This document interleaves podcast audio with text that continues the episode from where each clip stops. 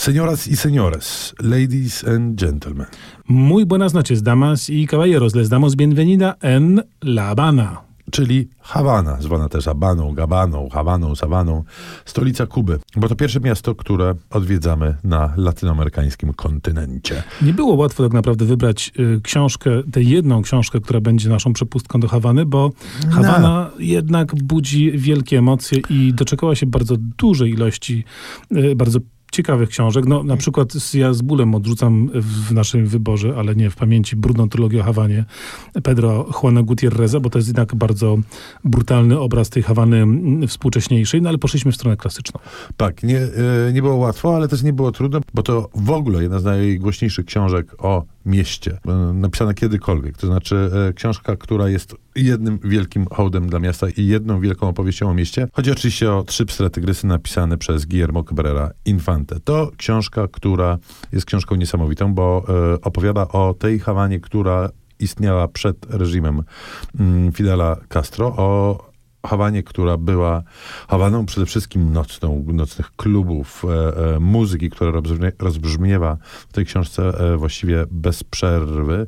Mm, mm, Hawana jest opowiedziana e, przez czterech głównych e, bohaterów, ale tym bohaterem najbardziej zniewalającym nas jest chyba La Estrella, czyli właśnie taka śpiewająca hawańska diwa, chyba należałoby e, powiedzieć. Wielka pod każdym względem. Wielka pod każdym względem.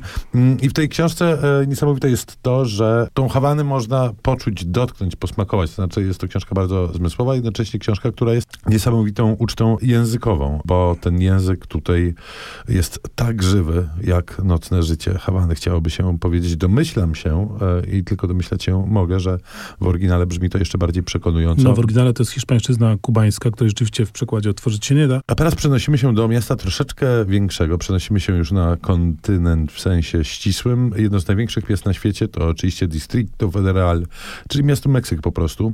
No i tu problem był podobny co z Hawaną. Miasto Meksyk doczekał się całej masy wspaniałych powieści, które o nim zostały napisane. Tu Roberto Bolanio na przykład, musieliśmy z niego z żalem zrezygnować, ale, ale w piątce się pojawiał dość Dość często, a regularnie. poza tym pretekst był doskonały, bo właśnie ukazało się wznowienie być może najsłynniejszej powieści o mieście Meksyk właśnie, czyli Krainy Najczystszego Powietrza Carlosa Fuentesa. To debiut w ogóle tego meksykańskiego Tak, on wcześniej klasyka. napisał kilka opowiadań, e, znaczy tom opowiadań wydał, natomiast to jest jego pierwsza powieść i od razu naprawdę ambitna.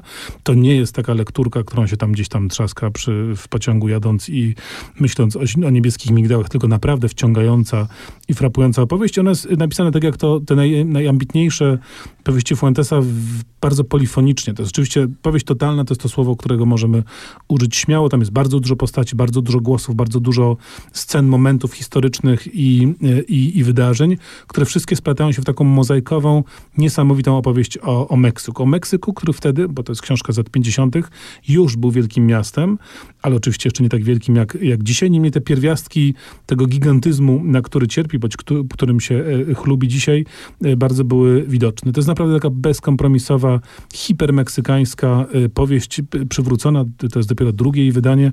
I co tu dużo mówić, Carlos Fuentes jest tam w najwyższej formie. Nie wszystkie, zwłaszcza te późne jego książki, warte są aż tak wielkiej uwagi. Kraina czystego powietrza absolutnie przeczytać trzeba. Miasto Meksyk muzycznie już wybrzmiało. Zajrzyjmy więc na chwilę do Hawany.